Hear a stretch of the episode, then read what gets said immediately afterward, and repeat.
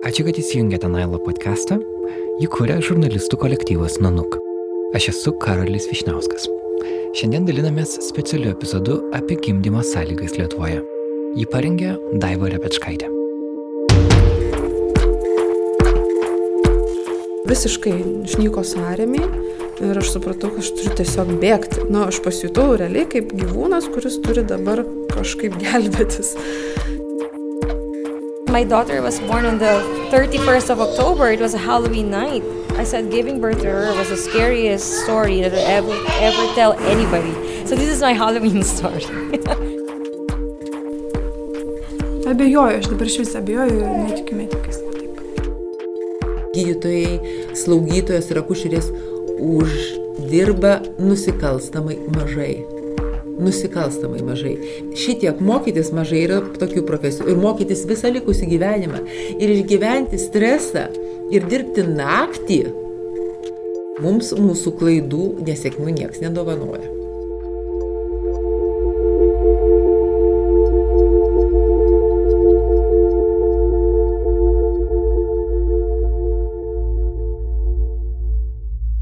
Prieš pradedant, noriu priminti, kad mūsų podcastą išlaiko patys klausytojai. Tai galima padaryti per platformą pavadinimu Patreon. Mūsų kompanijos adresas ten yra patreon.com slash nanuk multimedia, kaip vienas žodis. Šiuo metu mūsų Patreon bendruomenėje yra 421 klausytojas. Per pastarasis dvi savaitės prisijungė Justinas Rasalskis, Aiste, Armanda Klimavičiūtė, Algirdas Pukis, Vaiva, Andrius Simaitis, Augustinas Naina, Eglė Kurliauskaitė, Agnė Klugė, Jonas Bačelis, Danguolė Gaižiūtė, Alfredas Beinartas, Orinta Barkauskaitė, Sima Marčiuskaitė, Jeva Stogevičiūtė, Rugilė Buzė, Virginijus Tiškus, Justinas, Rūta Šiukždaitė, Valdemaras Repšys, Donatas Kurklietis, Simona, Benas Terekas, Jeva Pačkauskaitė, Ingrida Olendraitė, Profetie, Deimantė Daugėlaitė, Simonas Bartulis ir Ramūnė Brunsaitė. O savo skiriamas sumas padidino Austėja Neskaitė, Vilmantas Venskūnas ir Monika Garnytė. Ačiū Jums visiems labai, Jūsų dėka podcastas juda toliau. O tyrimą, kurį girdėsite šiandien, papildomai finansuoja fondas ReBaltica, skirtas tyriamai žurnalistikai Baltijos šalyse palaikyti. Gero klausimo.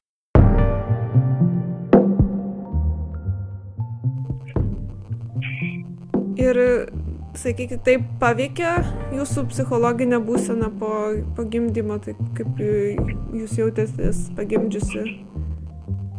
Tuo metu taip. Nu, prisiminiau kaip siaubo didelį. Nes man atrodė, kad aš e, fiziškai negalėjau, gydytas buvo pakankamai grubus ir, ir atrodė, kad tuo metu va, ir vaiko gyvybė galėjo galbūt ant plauko pakipti. Tai iš tikrųjų, nu, taip pakankamai jautriai.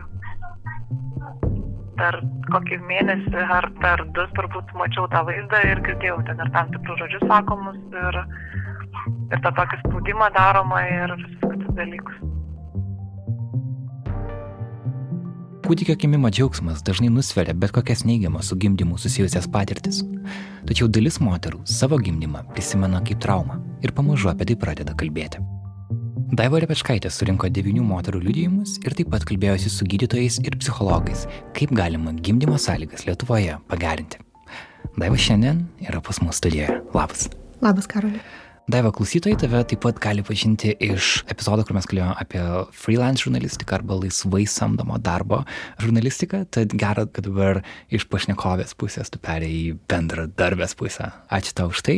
Ir kalbant apie gimdymo temą, apskritai mes niekada to podcast'o nebuvom analizavę likščiol, nuo ko tu atsispyrei apskritai mąstydama, kodėl tai yra problema, kaip tau kilo mintis dirbti su šitą temą.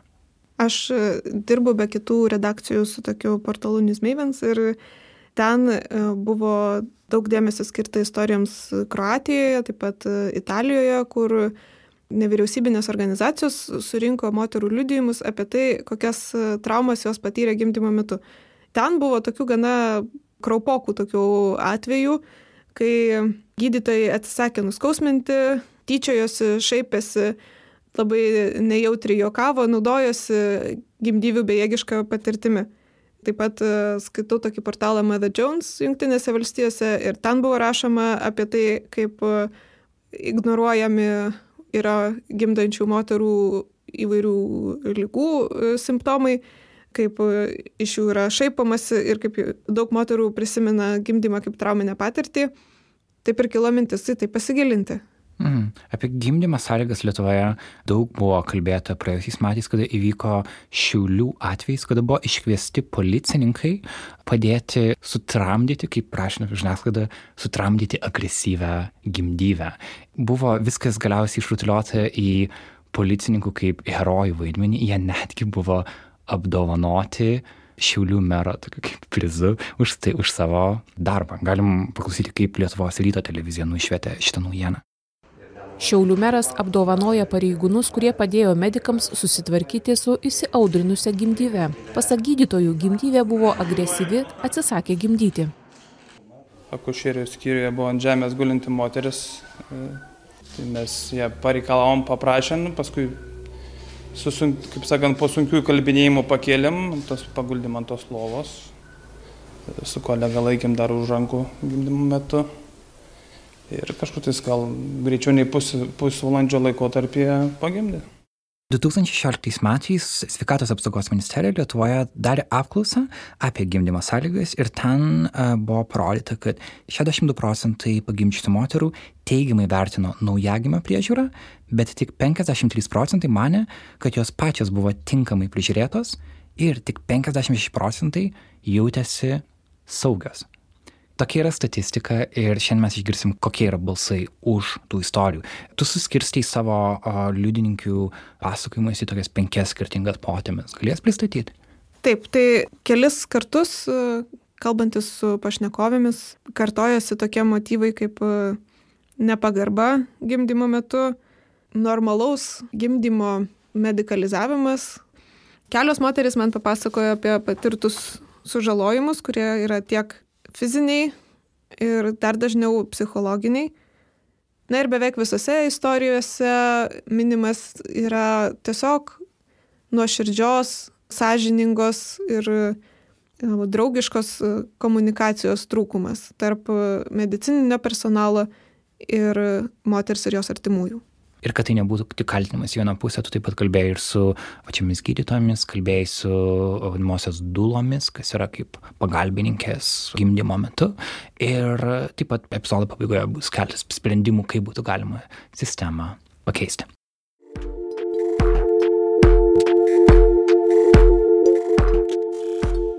Pirma dalis - nepagarba. Epizode kalbės devynios Lietuvoje gimčiusios moterys. Jų vardai yra Einora, Selina, Erika, Saulė, Kristina, Marina ir dar trys moterys savo vardų nenorėjo atskleisti. Jos gimdė skirtingose vietose Lietuvoje. Epizode girdėsite vis kitų jų liudijimus. Viskas skaudėjo, man, man buvo negera, mane labai pykino stipriai tai vat aš žinau kad aš porą kartų netgi sustojau ir, ir, ir, ir mane, kadangi supykino, aš koridoriuje vėmiau ir, ir dar bambėjo, kiek aš čia darbo pridariau, žodžiu. Tai vat. Tai Man labiau vyras iš tikrųjų palaikė ir paskatino, negu kad e, tie gydytojai kažkaip tai o tai ko čia taip silpnai? Arba ko čia reikia? O ko čia reikia? Iš tikrųjų, mane tildė, kad aš reikiu, o man taip gera buvo rėkti, nu, čia kažkas tokio. Aš, aš reikiu, nes man taip patogu, man gerai, aš taip... O mane pradėjo tildyti, sakau, ko tai nerėk, man sako. Aš sakau, na, aš vis tiek savo. Ja, vis tiek reikiau, nes man taip, taip man taip buvo geriau, patogiau. Man nebuvo leidžiama eiti į tualetą. Aš viską turėjau daryti gimdykloje, stebint visiems mm, gimdykloje esantiems žmonėms. Galų gale vienu metu aš šiaip ne taip paprašiau uh, išsituštinti nueiti privačiai, dėl to, kad, na, elementariai, stebint krūvai žmonių, nu, nesinori to daryti. Man ten būnant, iš esmės visi visi akušerio sėdėjo ant durų ir, ir laukė. Na, Mano kušerė kažkur pranyko, kuri mane turėjo žiūrėti gimdymą ir atėjo kažkokia nauja gydytoja. Ir jinai sako, aš čia dabar tave apžiūrėsiu ir ten ir panašiai. Ir atėjo su mokinė dar. Ar su keliais mokiniais, aš jau dabar neprisimenu. Nu ir sako, reikia pasižiūrėti, kiek pas tave gimdos kaklelis įversti. Aš sakau, aš turiu savo kušerę, su kuria susitariau, aš norėčiau, kad jinai mane ir apžiūrėtų.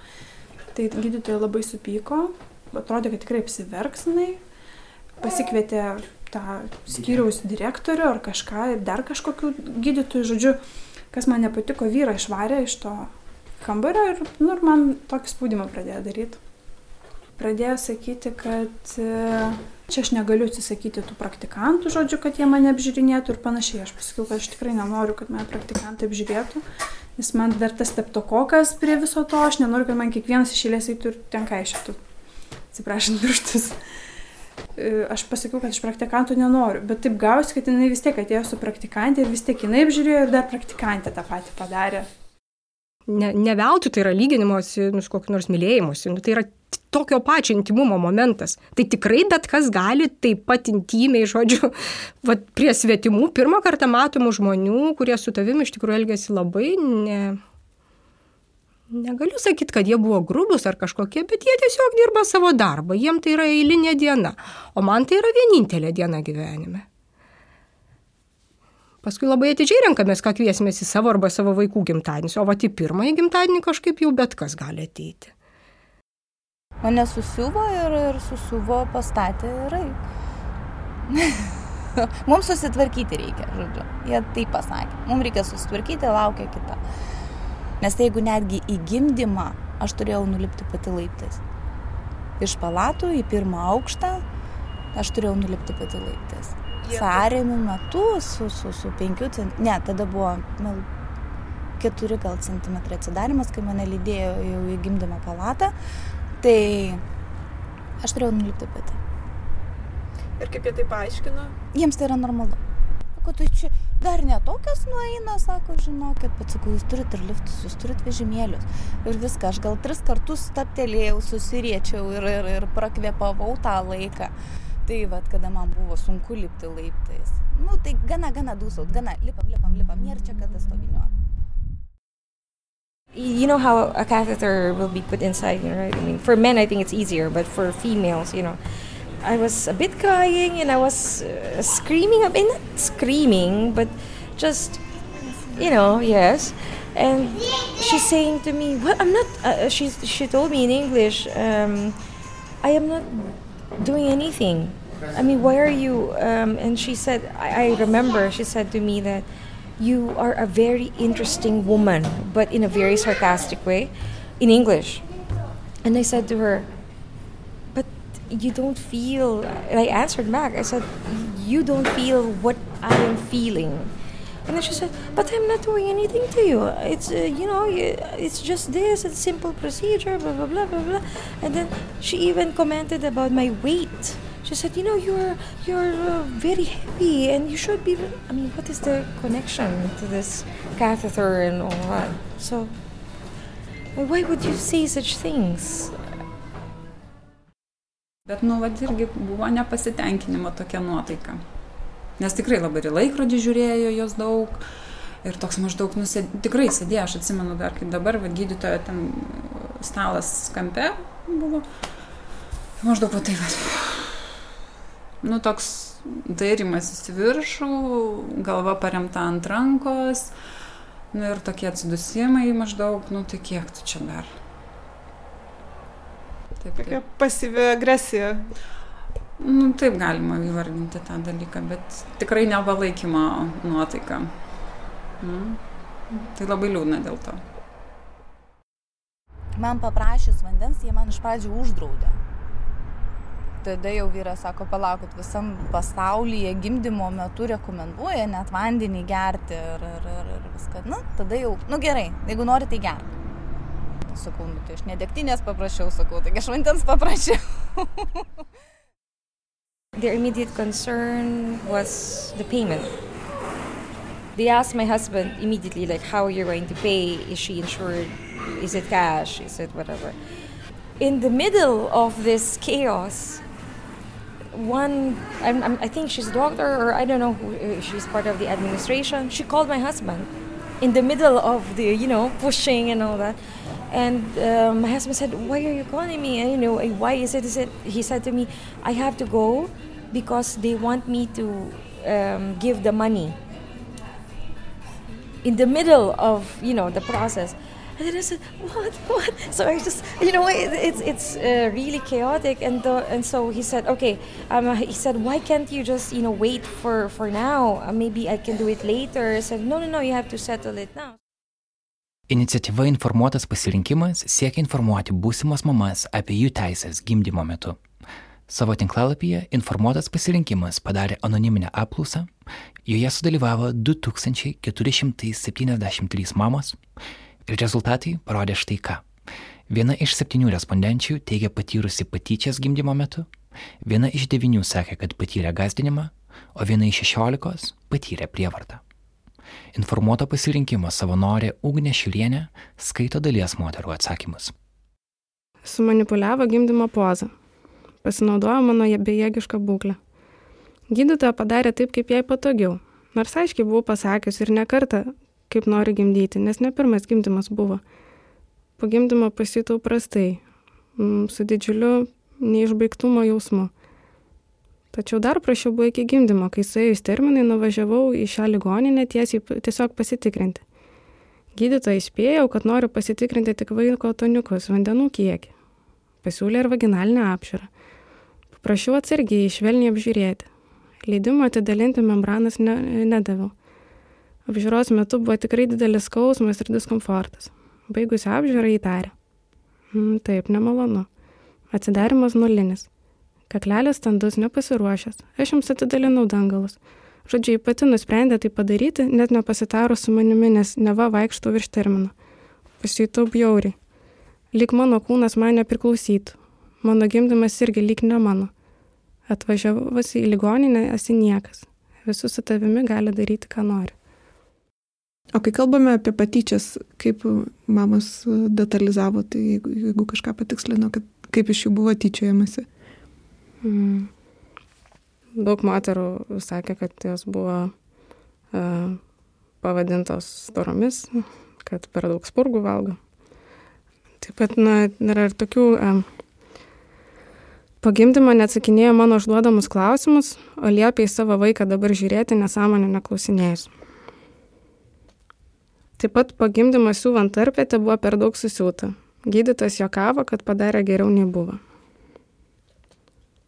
Toks, na, kaip ir seksualinė, nežinau, vos nepriekabiavimo, tokia replika.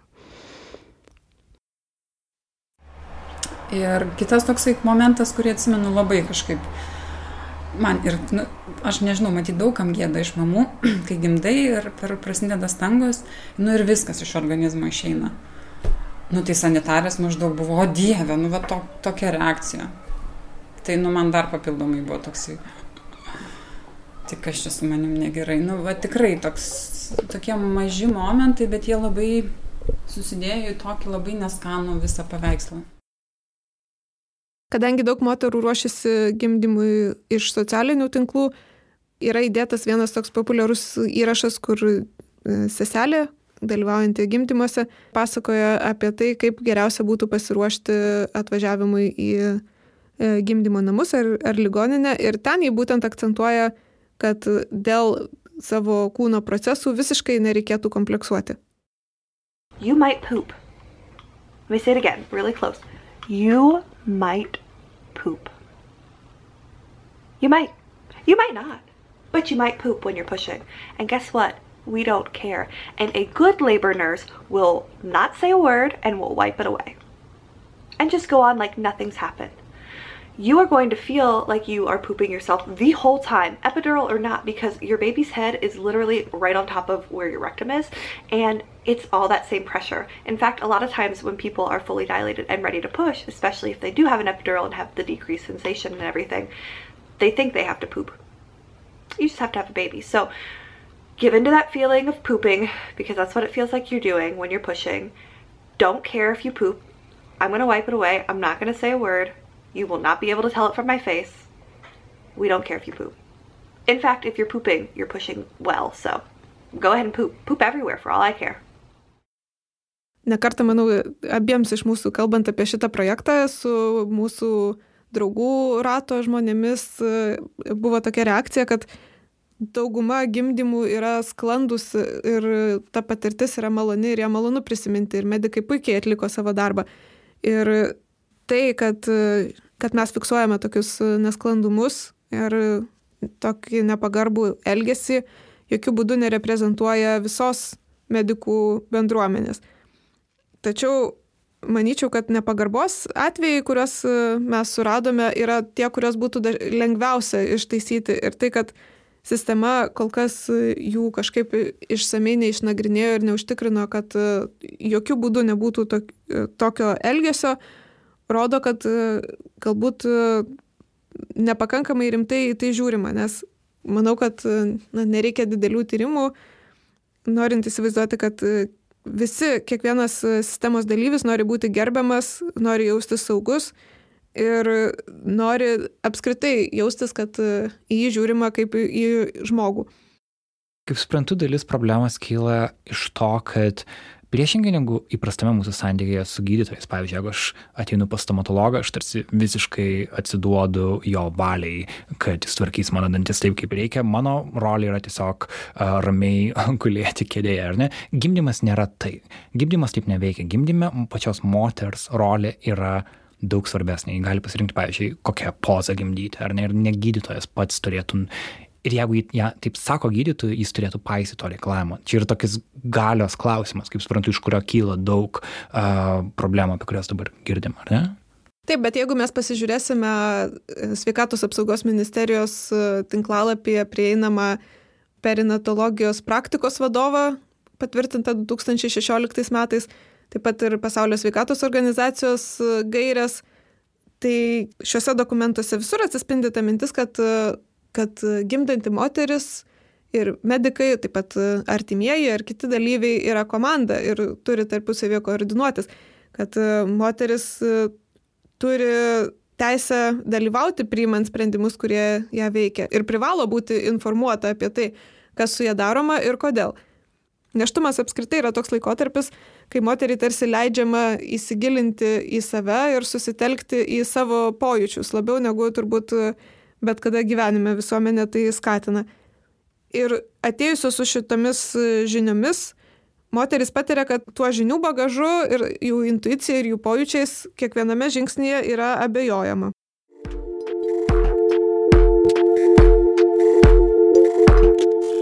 Antra dalis. Natūralaus gimdymo ribos. Aš tiesiog žinau, kad aš tas žmogus, kur aš negaliu ligoninėse gimdyti. Aš net tai išjungia, tai yra be galo intimus procesas.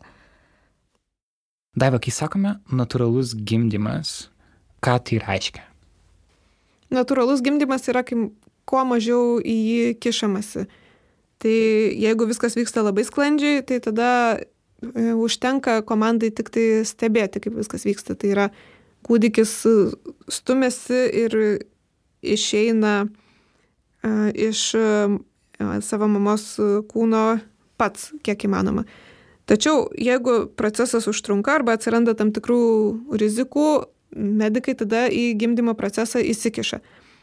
Įvairiais etapais tas įsikišimas gali būti vaisiaus vandenų nuleidimas tam tikrų įrankių, tai gali būti nejautros sukelimas nuskausminamaisiais. Kitos medicininės intervencijos yra gimdos susitraukimų skatinimas e, hormonais. Na ir pačioje pabaigoje e, kūdikiu išeiti kartais padeda vakuminis ekstraktorius arba anksčiau dar būda, tam būdavo naudojamos replės. Na, o jeigu komanda priima sprendimą, kad kūdikis negali išeiti natūraliais e, takais, tada atliekamas cezario pjūvis. Ir tas noras gimdyti natūraliai tarp, e, sakykim, šios kartos moterų yra vis didesnis.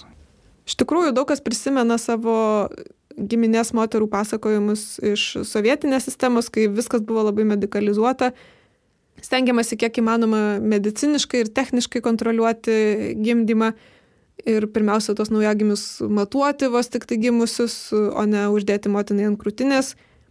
Ir vis daugiau pasirodant mokslinių tyrimų apie tai, kokią naudą turi gamtiniai procesai naujagimio imunitetui ir kitiems veiksnams, dauguma motinų nori grįžti, tarsi tą švituoklę atsverti atgal nuo tos sistemos, kurią pažinojo, kai galbūt prisimins vyresnės kartos tėvai ir mamos, kai galėdavo artimieji pamatyti kūdikį tik tai per langą. Taip pat e, buvo laikoma, kad e, visi kiti pašaliniai asmenys tik tai atneša bakterijų. O dabar moksliniai tyrimai rodo visiškai priešingus dalykus. Ir dabar kaip tik skatinama yra, kad e, naujagimis bendrautų pirmomis dienomis su kitais žmonėmis, su savo artimaisiais. Paklausom, ką turi liūdininkės apie tai pasakyti. Nu, kad kiek aš skaičiau literatūroje, ten po vandens nuleidimo vos net 12 valandų galima laukti ten to natūralaus gimdymo pradžios, o mane kažkodėl nuo pat pradžių pradėjo skubinti. Man nuleido vandenis ir vad pradėjo vis vaikščioti ir žiūrėti, ar man tie sąremiai dažnėja ar nedažnėja. Ir kaip sakau, ten nuo nuleidimo per 4 valandas aš pagimdžiau, tai yra labai greitai. Ir aš taip ir iki galo nesupratau, kodėl, nu, kodėl vis taip siekia, kad, nu, kuo skubiau, nes, nu, nei buvo kažkokių, bent jau man pasakytų, ten kažkokių indikacijų, kad ten vaikui reikėtų greičiau gimti, nei tie vandenys kažkokios netokios spalvos buvo. Nu, tai yra, atrodė, kad visiškai normalų gimdymą tik dar taip paskubint, paskubint tiesiog, kad, kad, kad viskas įvyktų vis tiek stresinė situacija. Vyras visą laiką buvo kartu, bet nu, tikrai mes nei specialistai, nei, nei suprantantis, tai tam nesikišam ir nutvarko, nuskausminkit. Ir kai nuskausmino, tada man sustojo absoliučiai sąrimių veikla. Ir tada po nuskausminimo sekė skatinimas. Tada pradėjo mane skatinti. Nu ir tada aš spėjau, nes kaip supratau jau iš to paskutinio gimdymo etapo, kai atėjau ta kita, nu, ta blogoji kabutėse, sakau, gydytoja, iš atsiliepimų per supermamytės, tai kad greičiausiai skatinimo metu mano pirmosios dukters galvutė tiesiog per greitai judėjo, buvo stumimas tas toks per greitas ir jinai pastrigo tiesiog, nenatūraliai ne jinai pati ieškojo kelio, o gavosi toks kažkur pastrigimas. Vėlgi, aš nesu specialistas, bet aš įsivaizduoju taip pat, kiekvienas, bent jau kiek įsivaizduoju, kiekvienas tas sąrėmis yra vaiko judėjimas į priekį. Tai kai suskatino tos sąrėmis, aš taip spėju, kad tie tokie stumimaisi jai gal buvo per greiti ir tada gavosi kažkur pastrigimas galvutės. Jis ten nespėjo gal kažkur išsisukti, pas susirasti savo to švaraus, gražaus kelio. Nesakau, su antru gimdymu to nebuvo, tai vadinasi patologiškai, tai nėra kažkokio stabdžio, kuris ten natūraliai yra mano organizmas. Anatominio kažkokio, ar ne? Taip, taip. Tada įrašyta, kad tik atvykus į ligoninę tau įstato kateterį, o man tai aš, aš atsimenu šitą patirtį, nes per antrą gimdymą aš paprašiau, kad nestatytų ir jie ilgai nestatė. Žodžiu, ten jau tik tai prieš pat. Nes man tai yra kaip, kaip nu, kur tu, nu, tarsi, tai yra visą laiką dirgiklis. Jeigu aš noriu sukoncentruoti gimdymą, o čia yra kažkas, nu, kam man to reikia. Ir aišku, jie apžiūrėjo ir, ir tuo metu, vat, tai buvo ta pati gydytoja, kuri apžiūrėjo ir kuri paskui vėliau priėmė gimdymą, par, vėliau paros eigoje.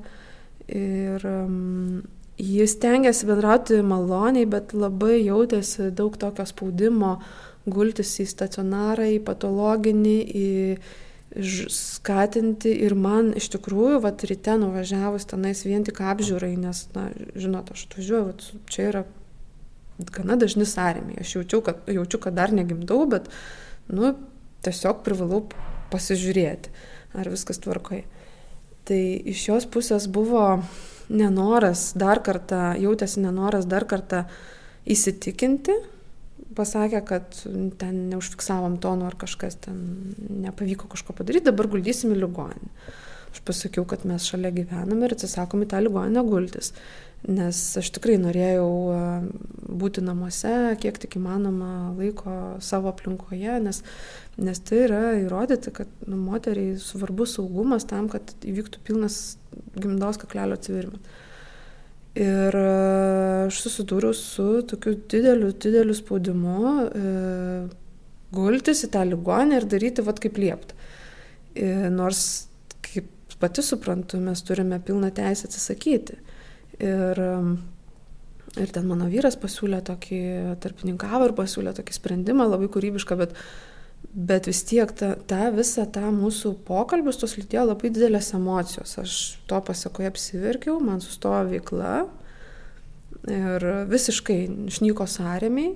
Ir aš supratau, kad aš turiu tiesiog bėgti. Na, nu, aš pasijutau realiai kaip gyvūnas, kuris turi dabar kažkaip gelbėtis.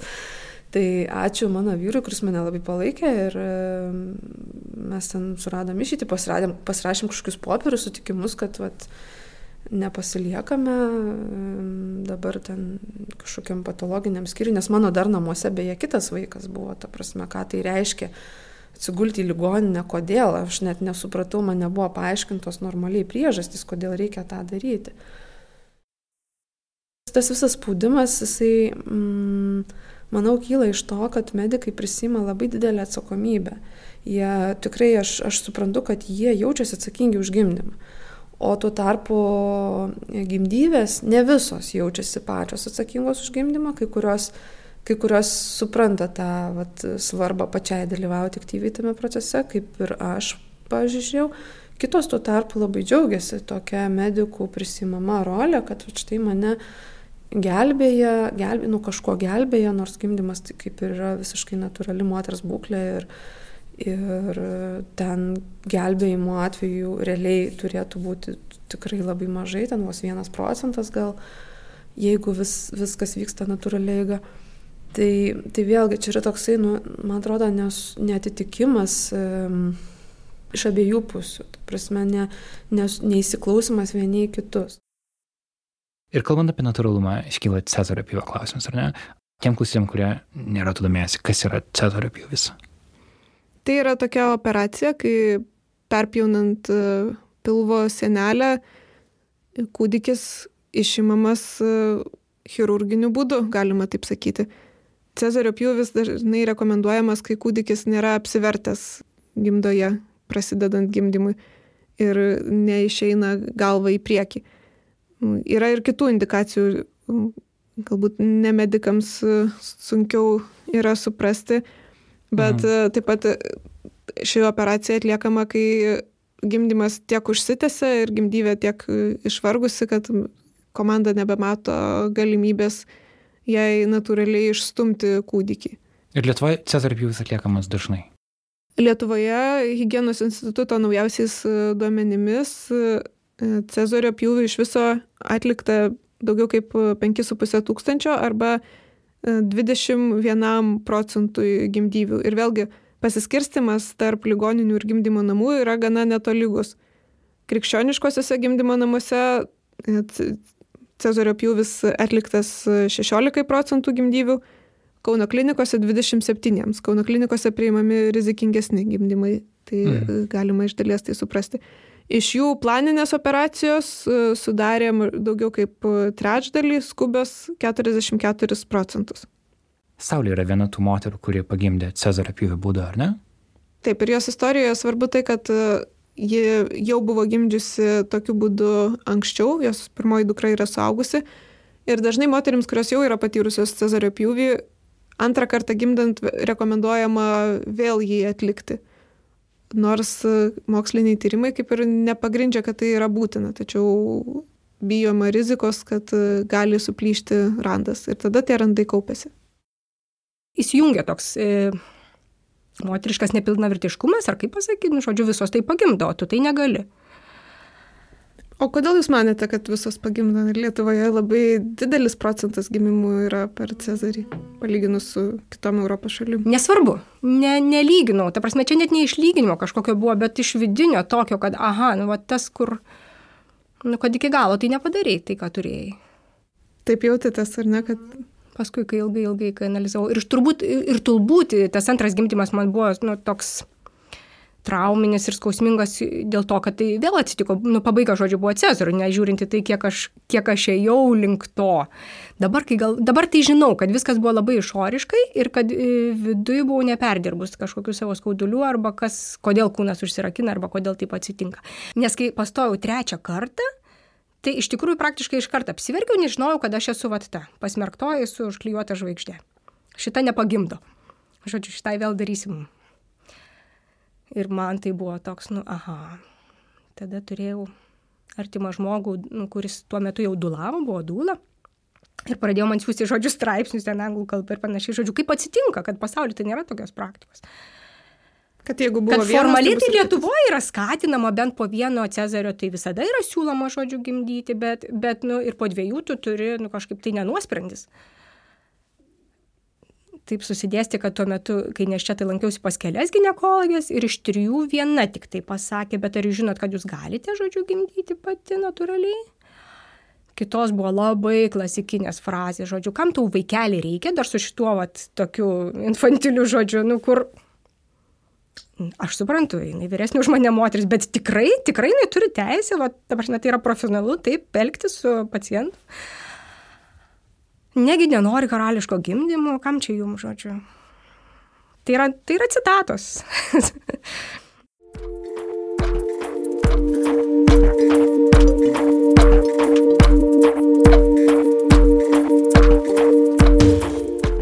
Likščiau kalbėjusios moterys galiausiai pagimdė sveikus vaikus, jos pačios toliau atsistatė po to nemalonių pojūčių, kuriuos patyrė gimdymo vietoje.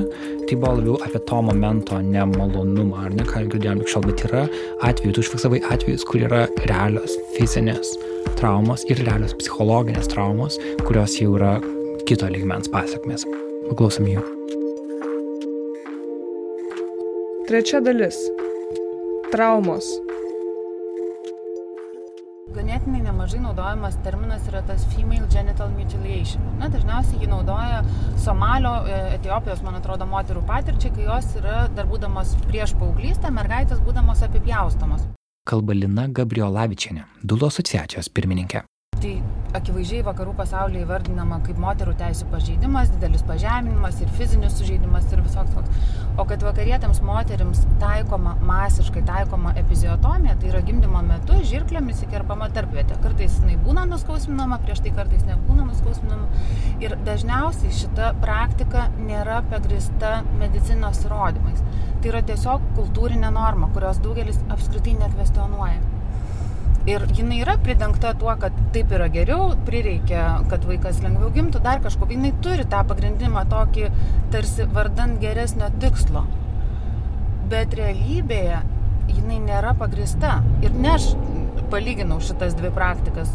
Dėl to, kad jos abi dvi turi panašų poveikį moteriai. Dėl to, kad tai yra didžiulis pažeidimas. Gali būti. Didžiulis sužeidimas moteriai ne tik tai fizinis, ne tik tai trumpalaikis, bet ir ilgalaikis ir taip pat ir dvasinis. Dėl to, kad tai m, pažeidus ne tik tai patį raumenį, bet ir kraujagyslės ir taip pat nervus, toje srityje, kuri yra labai jautri, tai neišvengiamai gali turėti pasiekmes po to taip pat ir lytiniams santykiams. Ir moters savivertį daugybei dalykų, ir kitam gimdymui daugybei dalykų iš tikrųjų. Gimdymo metu buvo keistas dalykas, akušerė sako, kažkoks ten grybelis, kad jinai audinių negali susiūt, kad tie audiniai plyšta. Dieve, mano galvoju, kas per nesąmonę. Aš buvau nuo pat pradžios pas gynekologą. Tai kodėl jisai man nesakė, kad ten kažkokie grybeliai, kažkas ten... Nu, aš, ne, aš ne, neturiu suvokimo. Darė tyrimus visokius, viskas sakė, kad tvarko yra. Kalba Ramūnė, jos vardas pakeistas. Praėjus keturiems mėnesiams nuo gimdymo, ji vis dar pastebi neplanuotą kraujavimą. Dėl to ji negali grįžti prie mėgstamo hobio - bėgiojimo. Nežinau, likau taip ir nesupratus, kas ten per grybai buvo. Kur, ir jinai sako, aš negaliu susiūti audinių, ten mak makšties, nes plėšta. ten, kad tas grybas išvalgė tos audinius, ar kaip ten reiktų suprasti, aš nežinau. Aišku, aš paskui ėjau pas savo gynekologą, man sakė, kad per, per siaurai susiuvo, kad ten negerai, kad gali reikti daryti plastinę operaciją. Kažkoks tai siaubas, nežinau.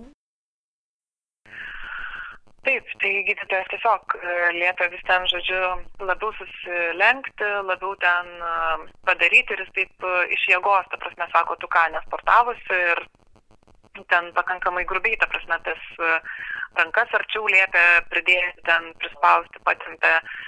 Martina, vardas taip pat pakeistas, gimdymo metu patyrė klubo sanario traumą, nors gydytojai žinojo, kad moteris turi nugaros problemų kojas, ta prasme, atitinkamai. Tai aš manau, kad, kad būtent tuo metu, ta prasme, taip ir buvo, nes tai buvo pakankamai gruboka ir, nu, mano fizinės galimybės tiek neleido, kiek ten gydytojas, žodžiu, rankiniu būdu suformavo tą pozą vadinamą.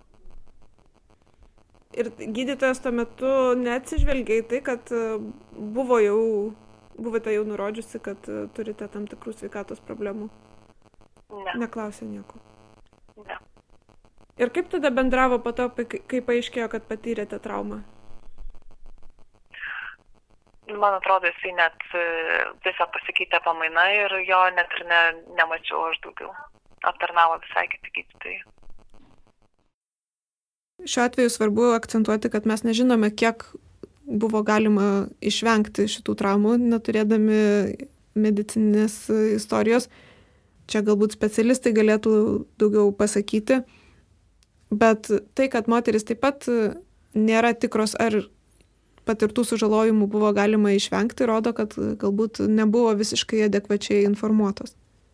Patys gydytojai čia yra sudėtingoje situacijoje, nes žinodami, kad dėl pacientų nusiskundimų jų gali laukti didelė atsakomybė, jie stengiasi kiek įmanoma to išvengti šis reiškinys, kai gydytojai imasi kažkokių procedūrų vien tam, kad išvengtų atsakomybės, vadinamas e, gynybinė medicina.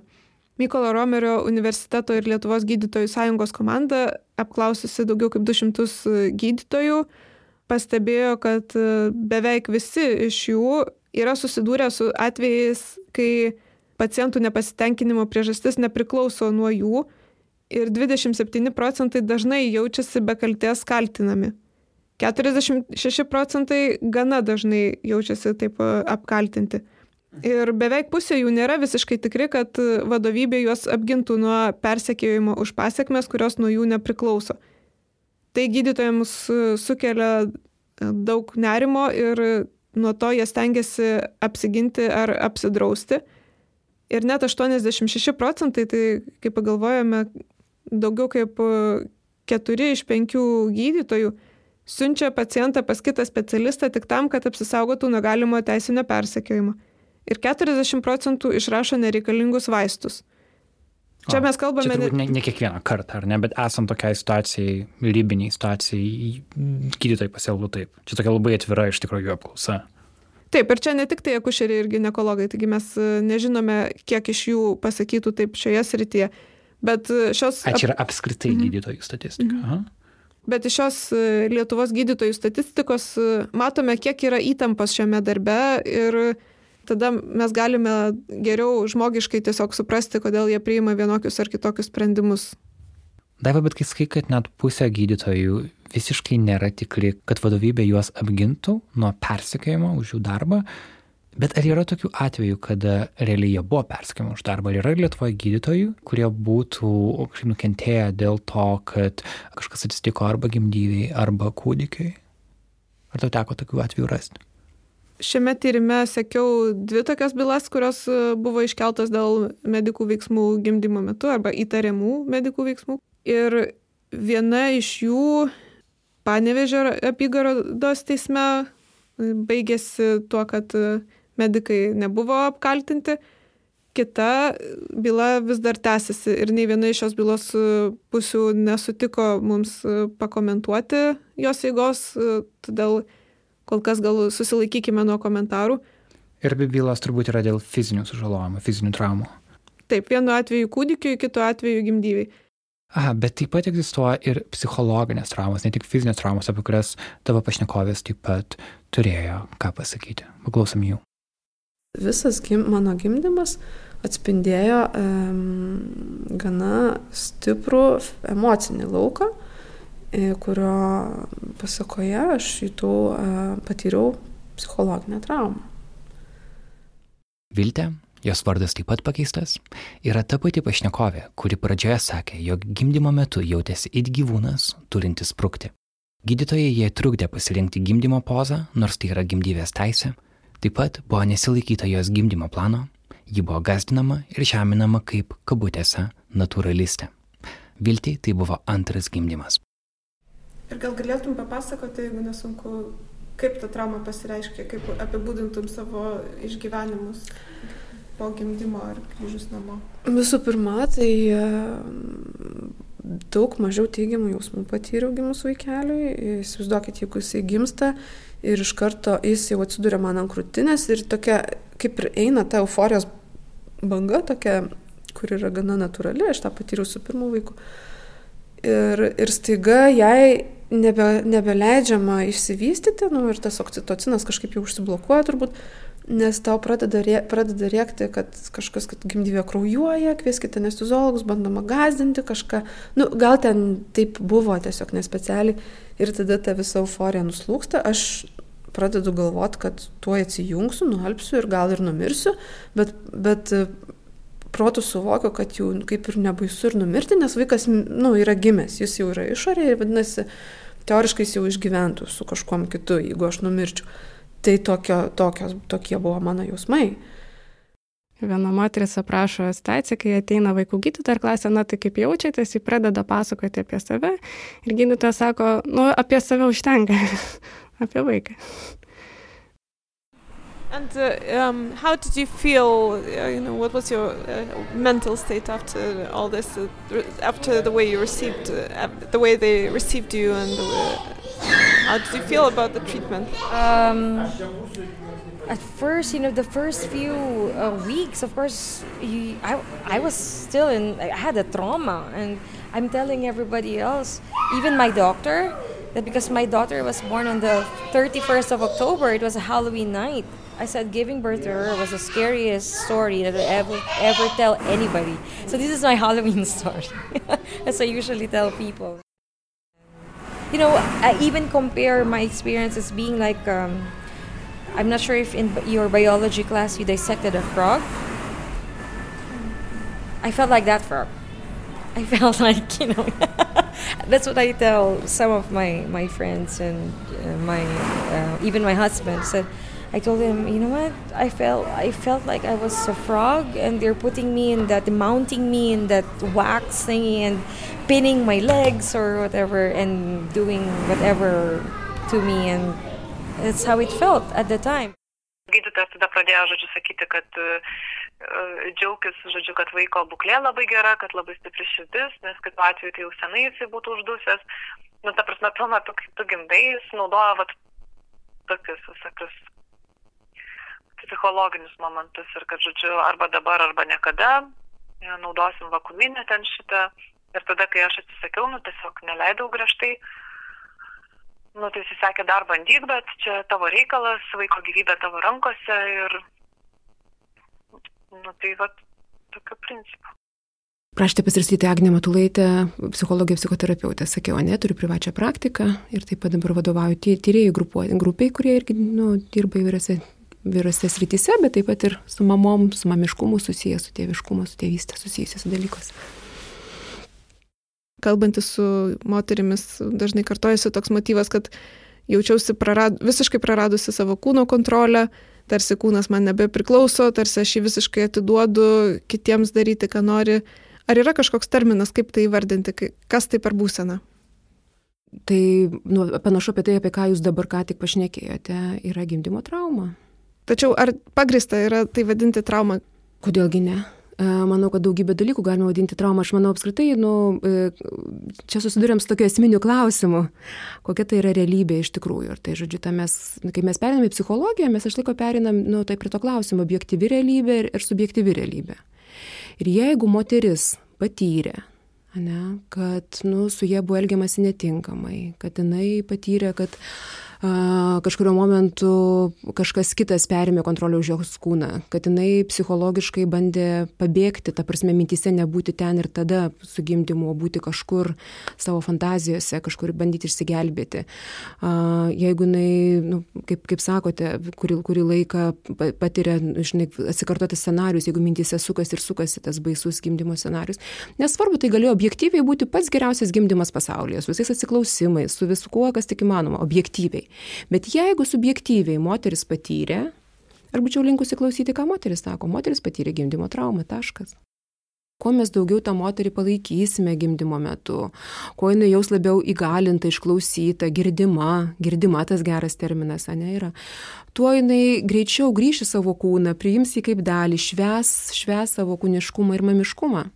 Ir kuo jinai labiau bus patyrusi panašesnė į prievarto situaciją, nes, nu kas pagalvokime, vyksta prievartos metu. Jeigu mes turim seksualinę prievartą, tai tipiškas momentas yra, jeigu aš fiziškai negaliu pabėgti iš tos vietos, aš bandau pabėgti emociškai. Tai reiškia, aš bandau uh, užmiršti, kad aš čia esu, aš savo kūną kaip kokią lipnų mėsos gabalą atiduodu tau.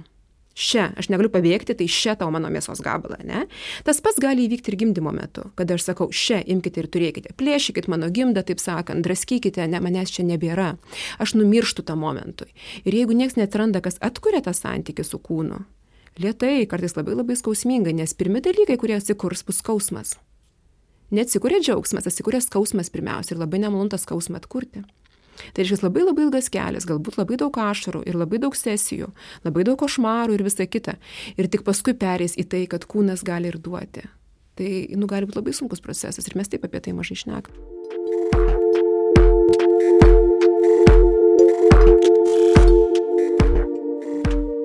Ketvirta dalis. Nekomunikacija. Grįžtant prie to, kad gimdymo metu susikuria toks specifinis santykis tarp e, gimdančios moters ir tarp gydytojo, e, priešingai negu ankstesnis pavyzdys su stomatologu, kada turi visiškai pasitikėti to, ką jis daro.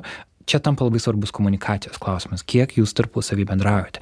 Ir tavo pašnekovių liūdimai sako, kad dažnai iš pačių gydytojų ateina nekomunikavimas, kuris galėtų išspręsti daugelį problemų, jeigu teisingai suprantu. Taip, įdomu tai, kad e, viena iš mano pašnekovių, Saulė, gyvenanti Vilniuje, pasitelkė būtent stomatologo pavyzdį ir sakė, kad jai stomatologas daugiau paaiškino, kas bus daroma, negu e, akušerė gynekologijos e, dviejų gimdymų metu. Aš ką tik podontologo, tai ten tavęs paklausė, žodžiu, ar tau nuskausminti, tau paaiškina, kas bus, kuo, kuo tai skiriasi. Iš esmės tai labai skiriasi, nes tai yra daug intimesnis ir žmogiškai prasme tai labai skiriasi, bet net ir nu, nuėmus šitą aspektą.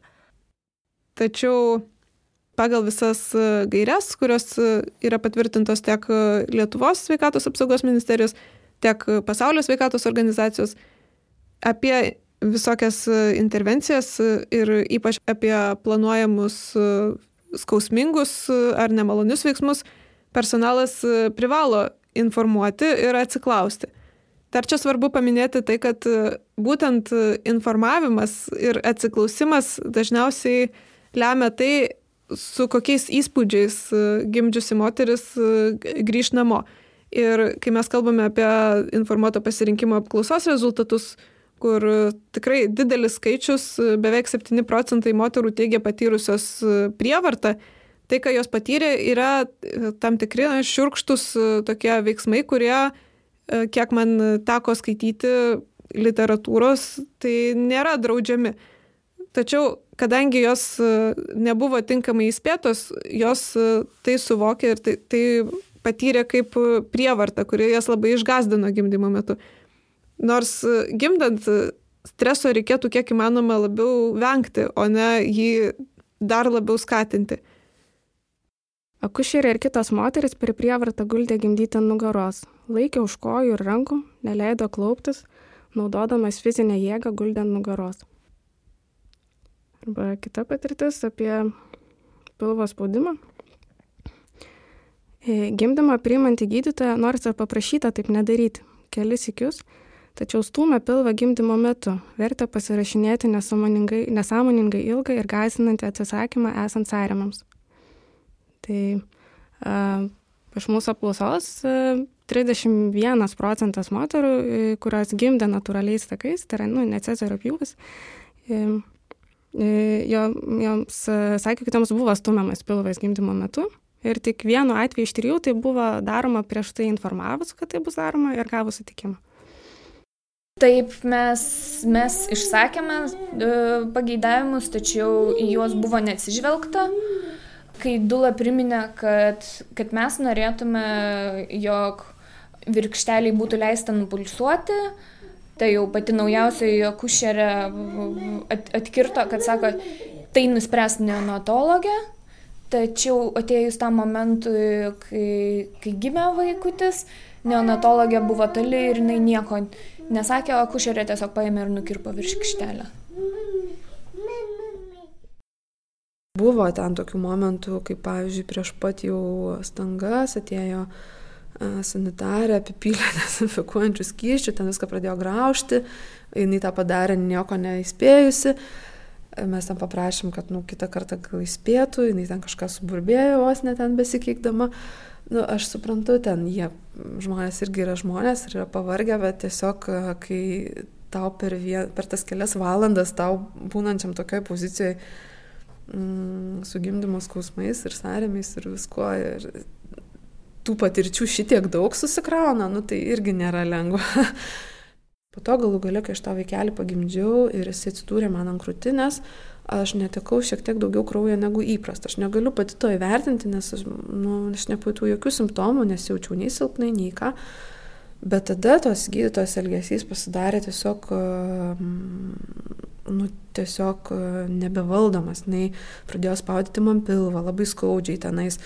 E, dabar aš turėsiu išvalyti gimdą, dabar čia iš viso to dar betrūko, kad gimdyvė nukraujuotų. Tokie, tokios frazės pradėjo piltis, kvieskit greičiau anesteziologą, atvažiuoja čia, naturalistė su savo reikalavimais, ten nestatyti kateterių, greitai durkit kateterį, ten leiskit oksitociną, placentą ir ten taip toliau. To proceso metu aš, mano vyras ir Dula, kuri mane lydėjo, klausė, sako, paaiškinkite, kas vyksta, kas darosi ir jie nebendravo su mumis. Aš suprantu, gal ten turėjo kažkaip staigiai įsitikinti, ar čia reikia pagalbos ar ne, ir paaiškėjo, kad ten tas kraujavimas stabilizavosi. Ir ji toliau buvo pikta ir toliau žydinėjo, kol galų gale e, turėjo e, kirpti, tai yra siūti plyšimus Ir kai jinai siuvo tos plyšimus, tie dyksniai buvo tokie skausmingi, ta prasme, aš suprantu, kad nepalyginsiu to su gimdymo skausmu, bet aš jaučiau, kad jinai siūdama ten išlieja tą pyktį visą. Uh, ir tai, na, tai sunku labai paaiškinti, bet aš tokius dalykus, nu, tikrai jaučiu ir, ir, Ir tas visas emocinis fonas, kurį aš tikrai sugėriau kaip kempinė iš tos gydytojos, nes neturėjau kur dingti, tai buvo e, e, sudėtinga emocinė trauma, kurios pasiekmes aš ilgai jutau. Aš džiaugiuosi, kad tai nepasireiškia laktacijos problemomis ir pogimdyvinė depresija. Gal kai jie negauna jokio pasipriešinimo, jie tiesiog daro, ką yra įpratę daryti. Ir aš kažkaip nusakau, gal mums su vyru tiesiog reikėjo kažkaip tvirčiau, bet iš kitos pusės man to pačiu yra skaudu, kad, nu, reiškia, tu kaip į gimdymą turėti kaip į kovą kažkokį ir negali tiesiog, nu, nieks ten nebandys, nelauks, o tiesiog, nu, darys, kaip jie yra įpratę daryti kažkokias pamokas aš ir pati išsinešu iš šito, kad e, tiesiog, na, nenusileisti, jeigu neklauso tavo gimdymo plano, surasti kažką po tuo stogu, kas išklausys. Tiesiog aš, aš manau, kad pasidarysiu dar griežtesnė, kas man nepatinka, nes aš manau, kad dėl prigimtinių savo teisų neturėtume prarasti tiek energijos tam, kad jas gautume. E, bet, e, bet taip, taip yra. Na, aš, aš turbūt manau, kad nenusileiščiau ir, ir ieškočiau to žmogaus, tos įstaigos, kurie galėtų mane suprasti be, be kovos kažkokios didelės, tiesiog su, su, su empatija, įsiklausimu, su kažkokiu dialogu galų gale. Tai tiek. Ačiū. Šitą.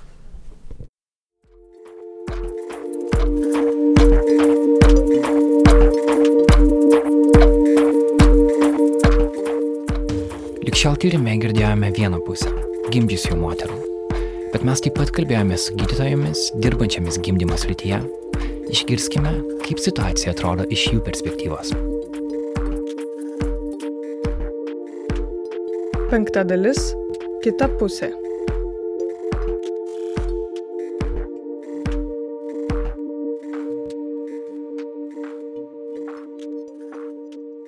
Noriu pasakyti, kad rezultatai tai tikrai yra labai geri, mūsų rezultatai geresni negu ES vidurkis. Tai yra tokie pagrindiniai rodikliai kaip um, kūdikių mirtingumas ir nešių gimdyvių mirtingumas ir tam įdėta labai daug pastangų. Sako profesorė Rūta Nadišauskinė. Ji yra akušerė gynekologė, Kauno klinikų akušerijos ir gynekologijos klinikos vadovė.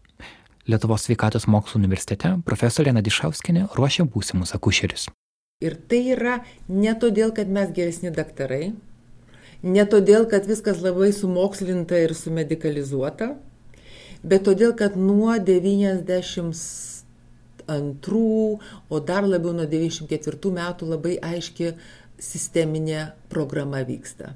E, visa mūsų priežiūra paskirstyta į tris lygius. Tai yra du universitetiniai perinatologijos centrai, e, toliau yra e, regionų ligoninės Klaipėda Šiauliai, Panevežys Vilniui dvi ligoninės, Kaune viena ligoninė. Ir toliau yra uh, kitos ligoninės, kurios daugiau multi, tai yra monoprofilinės, gimdymo namai, sakykime, kaip pavyzdžiui.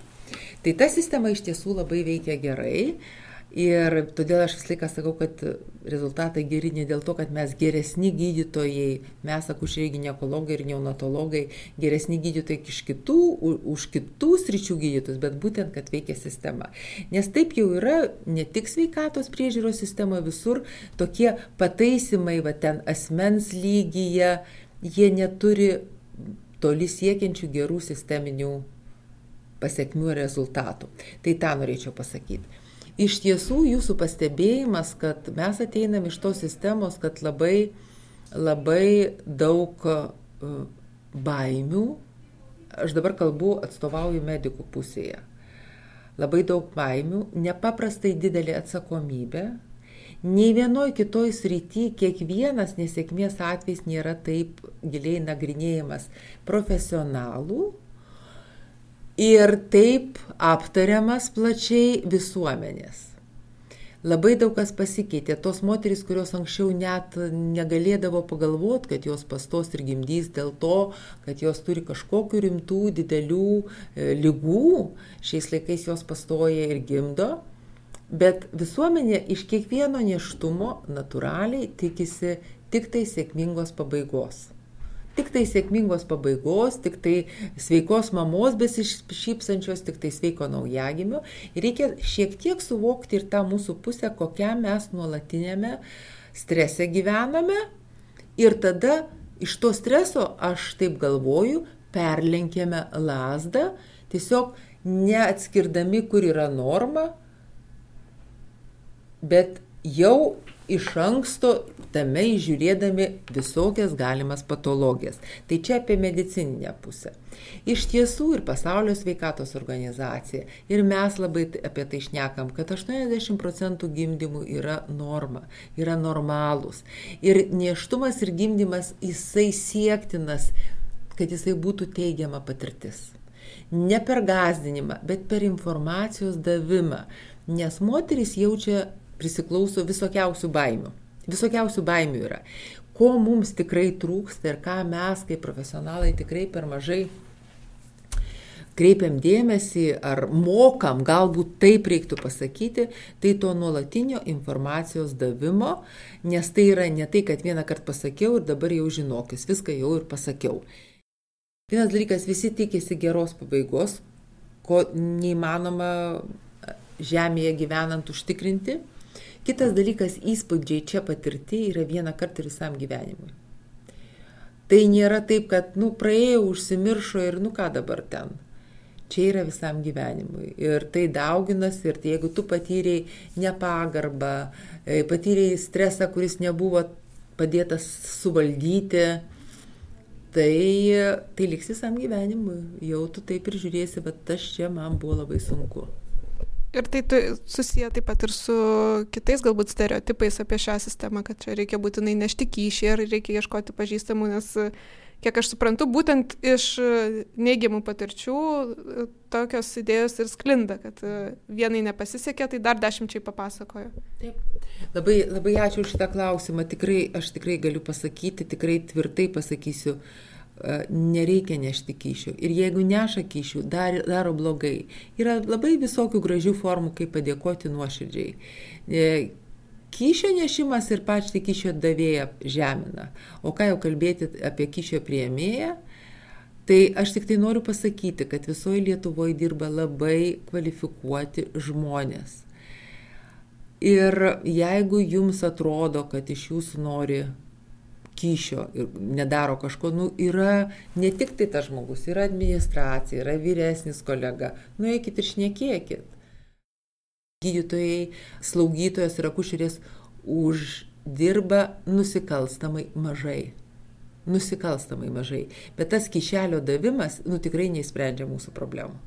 Tada visuomenė mus galės žymiai labiau palaikyti taip tikrai šitiek mokytis mažai yra tokių profesijų ir mokytis visą likusį gyvenimą ir išgyventi stresą ir dirbti naktį, mums mūsų klaidų nesėkmių nieks nedovanoja.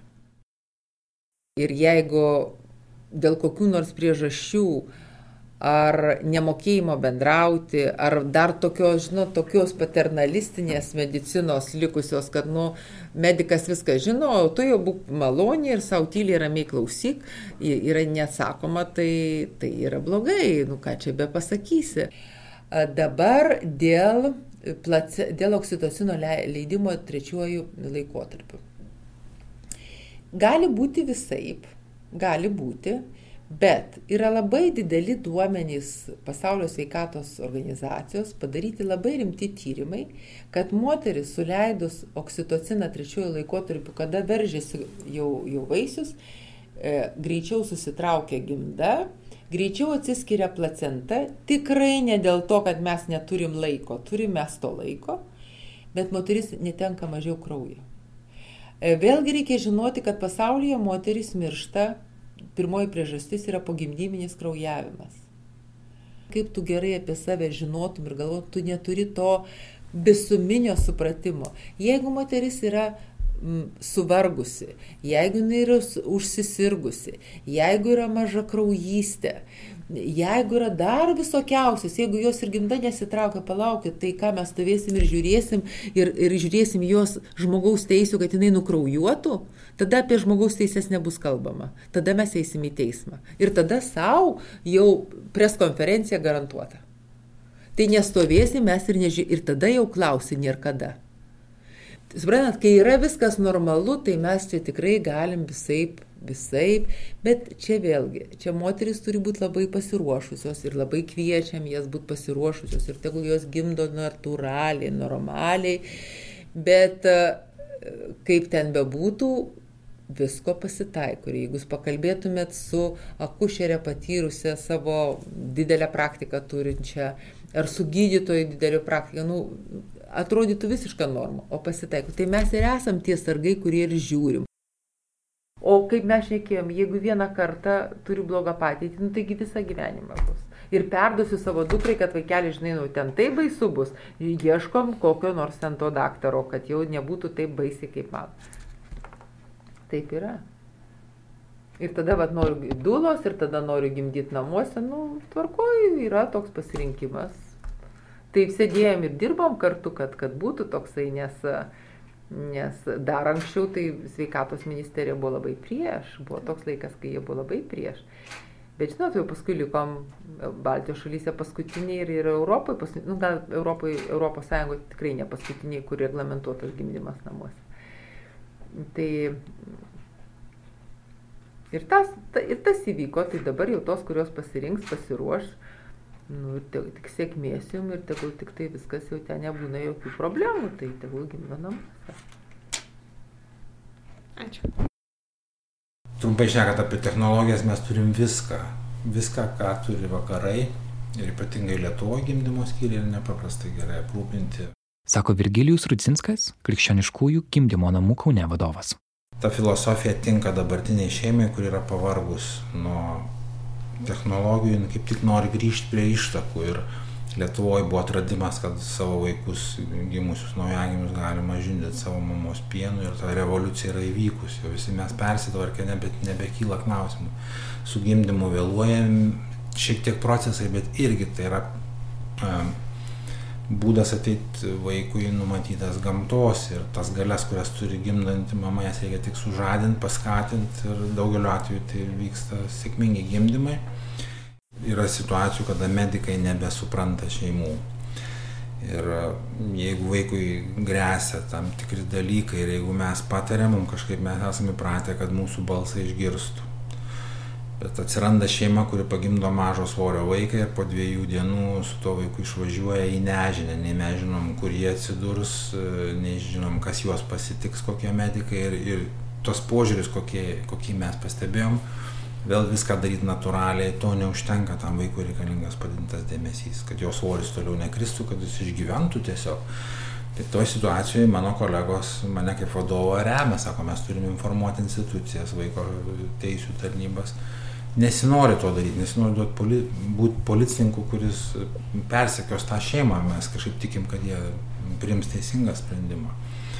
Arba yra situacijų mm, su skiepais, dabar, žinot, informacijos bet kur ir bet kiek jos daug, bet E, aš nekalbu apie tuos rutininius skiepus, kurių galbūt ir turi teisę tėvai atsisakyti ir neįvyks tragedija, bet paskutinį atveju turėjom mama serga B hepatitu, tai yra gana sunki lyga ir jai specialistai rekomendavo, kad vaikui būtinai reikalingas skiepas, kad jis neužsikrėtė, nu, gimdymo metu nebūtų užsikrėtęs.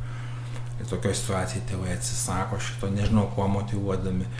Tai e, jūs klausėte, aš pasakau situacijas, kurios mus išbalansuoja, kur atrodo tais medikais, kuriais pasitikėjo, mes pravedėm gimdymą, viskas gražu, bet va šitoje vietoje jau jie, kur yra erdvė vaikui, kur jo grėsmės kartais daromi labai keisti sprendimai.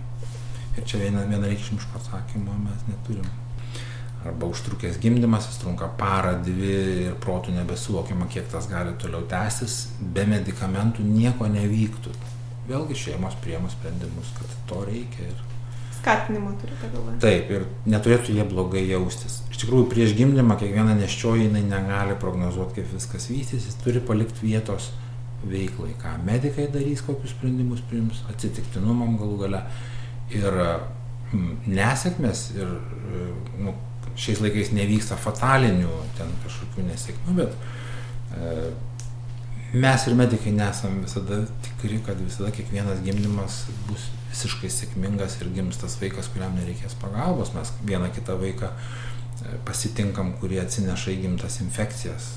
Ir tada šeima turi suprasti, suvokti, kad tam vaikui reikalingi antibiotikai ir nedelsiant, kitaip mes turėsim blogų dalykų. Tai e, jūs klausėt, aš atsakau, kad e, ne viskas yra taip romantiška, bet daugeliu atveju didžioji dauguma gimdymo paprastai vyksta be tokių ekscesų. Abi pusės randa argumentų, pasisako ir mes, mes laimingai išsiskirstom. Čia prisiminėme ir šiuo metu besitęsančią bylą, kurioje lietuvių šeima kaltina medikus panaudojus per daug ir per intensyvių gimdymo skatinimo priemonių. To pasiekmė - surandėjusi moters gimda. Situaciją komentuoja Daiva Brogienė, Vilniaus universiteto medicinos fakulteto dėstytoja, praktikuojanti akušerė ir nuolatinio Europos gydytojų komiteto viceprezidentė. Nu, kokia jų pagrindinė pretenzija? Kad... Turbūt kažkas negerai su vaikeliu, ar ne? Ne, e, buvo su, sužalota, e, žodžiu, surandėjo ir pasislinko gimda. Ir neteko daug, daug kraujo. Bet moteris liko gyva, su gimda ir sveiku vaikeliu, taip? Taip. Nu, tai labai gražu. Nu, ta prasme, kad labai gerai viskas. Taip, mamytė sveika. Man tai svarbiausia, taip, mamytė sveika, su gimda ir vaikelis sveikas. Bet, e, bet buvo kažkokie liekamieji pakitimai jos gimdoje dėl kurio... Žinokit, negaliu komentuoti, nes dabar tikrai nu, reiktų atsiversti man ir pasižiūrėti ją. Na, bet... Yra ir kitų bylų, yra žmogaus Europos teismų, Europos žmogaus teisų teisme paduotas naujas rokiškio atvejis. Aha. Turbūt irgi než, nežinote, ne? Ten, kur irgi gimdynė taikė vakumo ekstraktą, bet ten yra labai blogos pasiekmes, ten mergaitė gimė su citriniu paralyžiu. Taip toliau. Tai va čia aš sakau bėda, va čia reikia nagrinėti, kaip čia viskas įvyko ir kur čia galėjo būti kitaip. Aš taip pat. Kad mamytė sveika ir vaikas sveikas, tai čia nu, yra labai daug skundų. Yra tiesiog skundas, kad uh, mamytė išgelbėjo, nes jinai stipriai kraujavo, jie pašalino gimdą, bet ją išgelbėjo, jinai liko gyva su keturiais vaikais. Ir yra skundas, kodėl jie pašalino. Tai aš sakyčiau, vietoj skundo turėtų būti padėka daktarui, kad jis atvažiavo iš namų ir iš, išoperavo ir pašalino mintį. Bet yra tokia, kaip, kaip sakyti, nu, tokia situacija, tokia, toks supratimas žmonių, nu, tokias įvaizdis medicinos, toks, tokia, tokia, kaip sakau, padėka už tai, kad tu esi gyvas.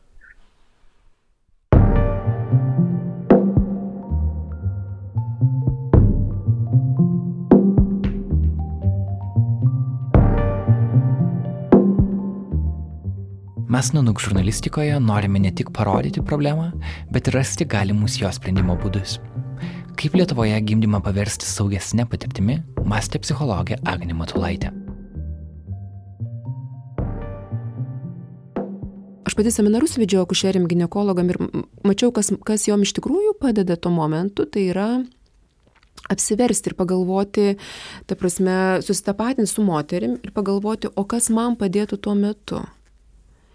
Ir jeigu, pavyzdžiui, tol klausimai, kol ne, neuždu iš to klausimo apsiversti, tą vaidmenį pasikeisti mintise, tai buvo, kaip man priversti jas paklusti, tas, tas gimdybės, kodėl jos netirėkiant negirdi, kodėl jos tampa tarsi kurčios ten ir, ir panašus dalykai. Bet, bet kaip pasakiau, o kokio jūs norėtumėte santykio į save, jeigu jūs tuo metu gimdytumėt. Ir staiga paaiškėjo, kad norai yra labai labai panašus.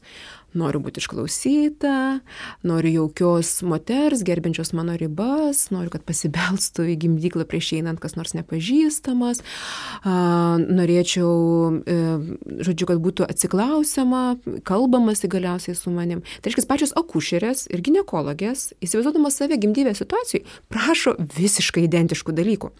Tai reiškia, jeigu mes nu, perėtume per tai ne tai, kad, nu, sakytumėm, jūs čia, žinai, jeigu įsivaizduoti, kad tada, nu, vat, greičiausiai kažkas kažko panašaus nori šitą moteris prieš mus. Kai kurios besilaukiančios moterys kreipiasi pagalbos į dulas. Kaip teigia tinklalapis dula.lt, dula yra moteris teikianti nemedicininę pagalbą besilaukiančiai moteriai neštumo, gimdymo metu ir pogimdyviniu laikotarpiu.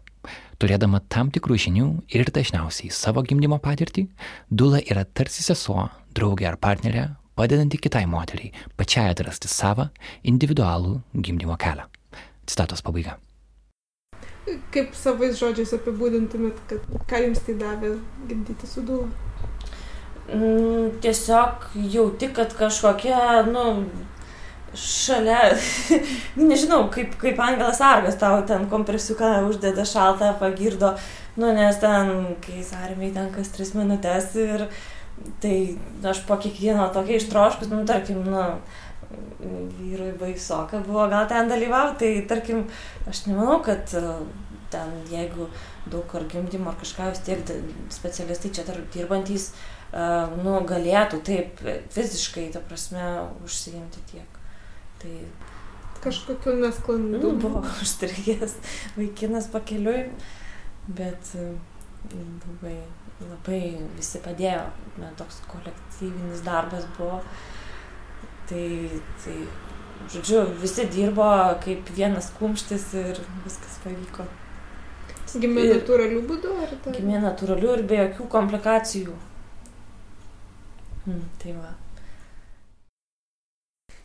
Ir kai kurie vyrai tiesiog pradeda blaškytis, pasimeta, arba tiesiog jiems yra sunku išbūti nieko nedarant, nes jie nu negali persijimti viso to intensyvumo iš moters. Jie tiesiog turi išbūti tame intensyvę kitaip. Tai dula šiuo atveju tada padeda vyrui suprasti, kas vyksta su moterimi, moteriai suprasti, kas vyksta su jos kūnu. Ir jeigu dar medikai iš šalies kažkaip tais pakomentuoja, kad ten nu, va, bus taip ar taip, tai dula žmogiškais paprastais žodžiais dar kartą patvirtina, kad prisimeni, vad kalbėjom apie tai. Dabar čia yra tas etapas.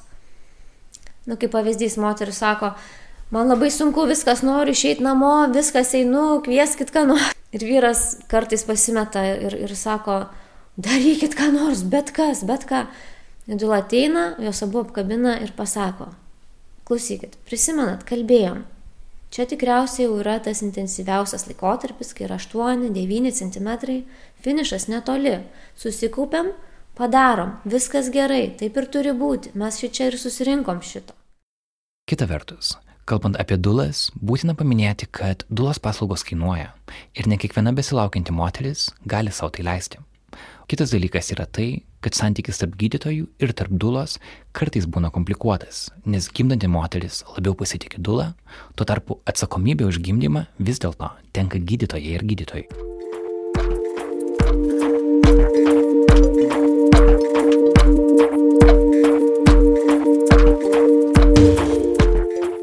Dar kartą akcentuojame, kad dauguma gimdymų Lietuvoje praeina gerai. Tačiau tie, kurie nepraeina gerai, atneša pasiekmių, su kuriamis moteriams reikia tvarkytis daug mėnesių ar metų po to. Mūsų pasakojimą užbaigė psichologė Agne Matulaitė. Nepatenkina dėl savo viršsvorio, neaišku, nepaaiškinau galvos skausmų, nenoriu turėti nieko bendro fizinio su savo vyru. Skirybos netrukus po to, arba dėlis kaip tik tai, tai toksai, kaip sakyti, susitapatinimas, susiliejimas su vaiku, ma, tik mamos funkcijos perėmimas arba atmetimas visiškai mamos funkcijos. Kai sakau perėmimas mamos funkcijos, tai reiškia, aš atmetu visus kitas pareigas. Pavyzdžiui, aš nebebūnu žmona, užmirštu, kad esu moteris, aš tik tai esu šito diadui su savo vaikeliu, kas natūraliai nutolina vyrą natūraliai ir panašiai. Tai kaip padedu, nu, yra ilgas įsisamonimo procesas, labai aiškus atskirimas, ką aš galėjau padaryti, ko aš negalėjau padaryti darbą su trauma. Tai aš dirbu iš tikrųjų, kaip, kaip dirbama su trauma. Tai yra vėlgi ilgas, ilgas dalykas, stiprinimas, va, tos būsnės, kas yra atraminių taškų, taškų ieškojimas, bandymas kapanotis šitame, šitame procese.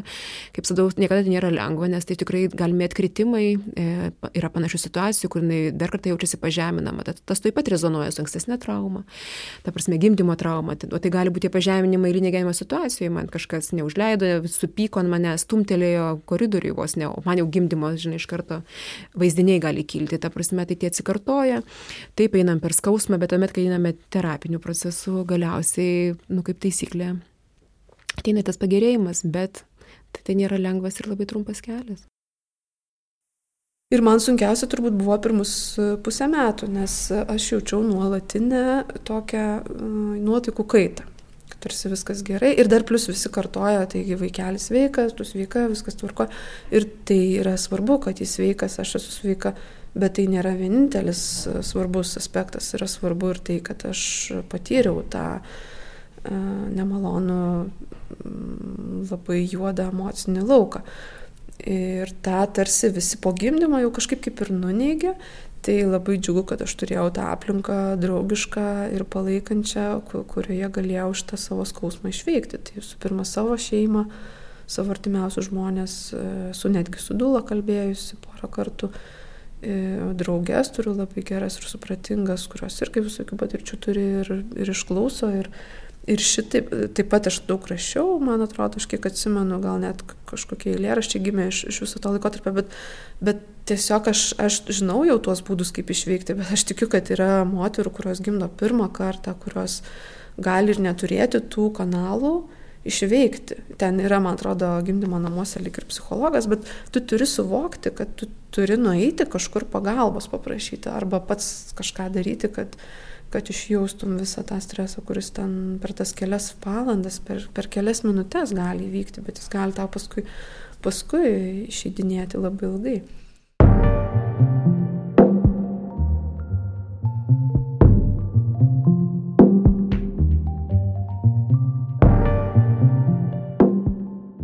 Daiva, tu praktiškai tris mėnesius skiriai šiam tyrimui apie gimdymo sąlygas Lietuvoje. Ką tu pati supratai jį rengdama? Supratau, kad, kad reikia mažinti atitolimą tarp medikų bendruomenės ir plačiosios visuomenės, kad reikia kiek įmanoma kalbėti visiems suprantamą kalbą ir įsiklausyti vieniems į kitus. Taip pat supratau, kad kiek mažai mes kartais žinome apie šį procesą. Visi esame gimę kažkada, ar ne? Todėl negalime pro pirštus žiūrėti į tai, kad žmonės e, kankinasi galbūt su tos e, traumos pasiekmėmis. Žinai, man klausant dalies istorijos, duoda, kad jeigu aš būčiau moteris, galvojanti apie gimdymą, man būtų labai baisu, nes e, tie liūdimai, kuriuos susirinkai, skamba tikrai gazdinančiai ir traumuojančiai. Bet turbūt vėlgi reikia priminti, kad tai yra mažuma tokiu atveju, kad dauguma gimdymų Lietuvoje praeina gerai. Tai svarbu akcentuoti. Ir, ir kad visi atvejai buvo čia iš viešo, viešos, viešųjų ligoninių, ar ne? Nes galima sakyti, kad, aha, tai galbūt reikia vykti į privačią kliniką ir ten gausi galbūt geresnę paslaugą. Bet tai tau daug kainuos. Kaip ir netgi tų pačių dūlų paslaugos, jos irgi yra mokamos, ne kiekvienas gali tai turėti. Todėl manau, mūsų visų interesas yra turėti gerą, veikiančią ir pacientui pagarbę viešąją medicinos sistemą. Jeigu atkreipėte dėmesį, mes neįvardijome nei vienos ligoninės e, šiame tyrime, kai kritikavome jas, nors mes žinome, kur gimti mūsų pašnekovės. Bet šio tyrimo tikslas nebuvo kažką individualiai apkaltinti, o tiesiog atskleisti mechanizmus, kaip tai veikia, kaip tai pasireiškia ir galbūt tai, tai suteiks naujų idėjų ir medikų bendruomeniai arba dėstytojams, kurie ruošia būsimus medikus, kaip tai suvaldyti. Taip, ir jeigu jūs e, savo aplinkoje žinote žmonių, kuriems ši tema yra aktuali, kurie patys galbūt yra gydytojai, arba žmonės, kurie ruošiasi gimdymui, būsimi tėvai, kviečiame pasidalinti ir lai visi tiesiog žinome apie tai daugiau. Manau, kad šis didelis darbas su šia tema tikrai nėra baigtas ir norėtume išgirsti daugiau istorijų, todėl jeigu susidūrėte su minimomis problemomis arba esate medicinos sistemoje ir jums tenka susidurti su tuo savo darbe, kviečiame jūs susisiekti Taip, rašykit mums info etnanuk.lt arba nanuk Facebook'e lauksim jūsų laiškų, netgi jeigu patirtys buvo visiškai priešingos ir jeigu jums jūsų gimdymas buvo puikus, irgi galite parašyti, mes norime tas istorijas išgirsti. Taip, labai lauksime. Ačiū tau, Daiva, labai už tavo puikų darbą. Ačiū už tai, kad priėmė.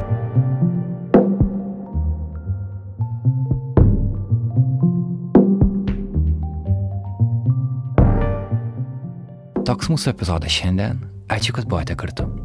Tradiciškai kiekvieną podcast'o epizodą lydi ir foto istorija. Fotografai Severina Venskutė, Mindaugas Drikotas, Martina Šulskutė ir Gintarė Kulytė fotografavo dalį pašnekovių, kurias išgirdote šiandien. Šias nuotraukas kviečiame pamatyti tinklalapyje naila.lt, nila.lt ir taip pat Nanuk Instagrame. Podcast'e naudojame Katašinos Bitoft, Martino Gailiaus ir Viktoro Urbaičio muziką, o dalį interviu įrašinėjome Martino Mašvido bibliotekos garso įrašų studijoje Vilniuje. Epizodo temą inicijavo, visus interviu atliko ir juos redagavo Daiva Repečkaitė. Epizodą redaguoti padėjau aš, Karolis Višniauskas. Prie Nanuk žurnalistikos stiprinimo galite prisidėti kiekvienas jūsų. Tai galite padaryti mūsų Patreon platformoje adresu patreon.com slash nanuk multimedia. Galima prisidėti nuo 1 dolerio iki tiek, kiek jūs galite ir norite mums skirti. Mūsų 100 dolerių patronai yra Vytautė Sisnauskaitė, Benedikto Gylio paramos fondas ir Blossom Wood Foundation. Nailo podcastą kuria žurnalistų kolektyvas Nanuk. Susitikime kitą savaitę. Iki.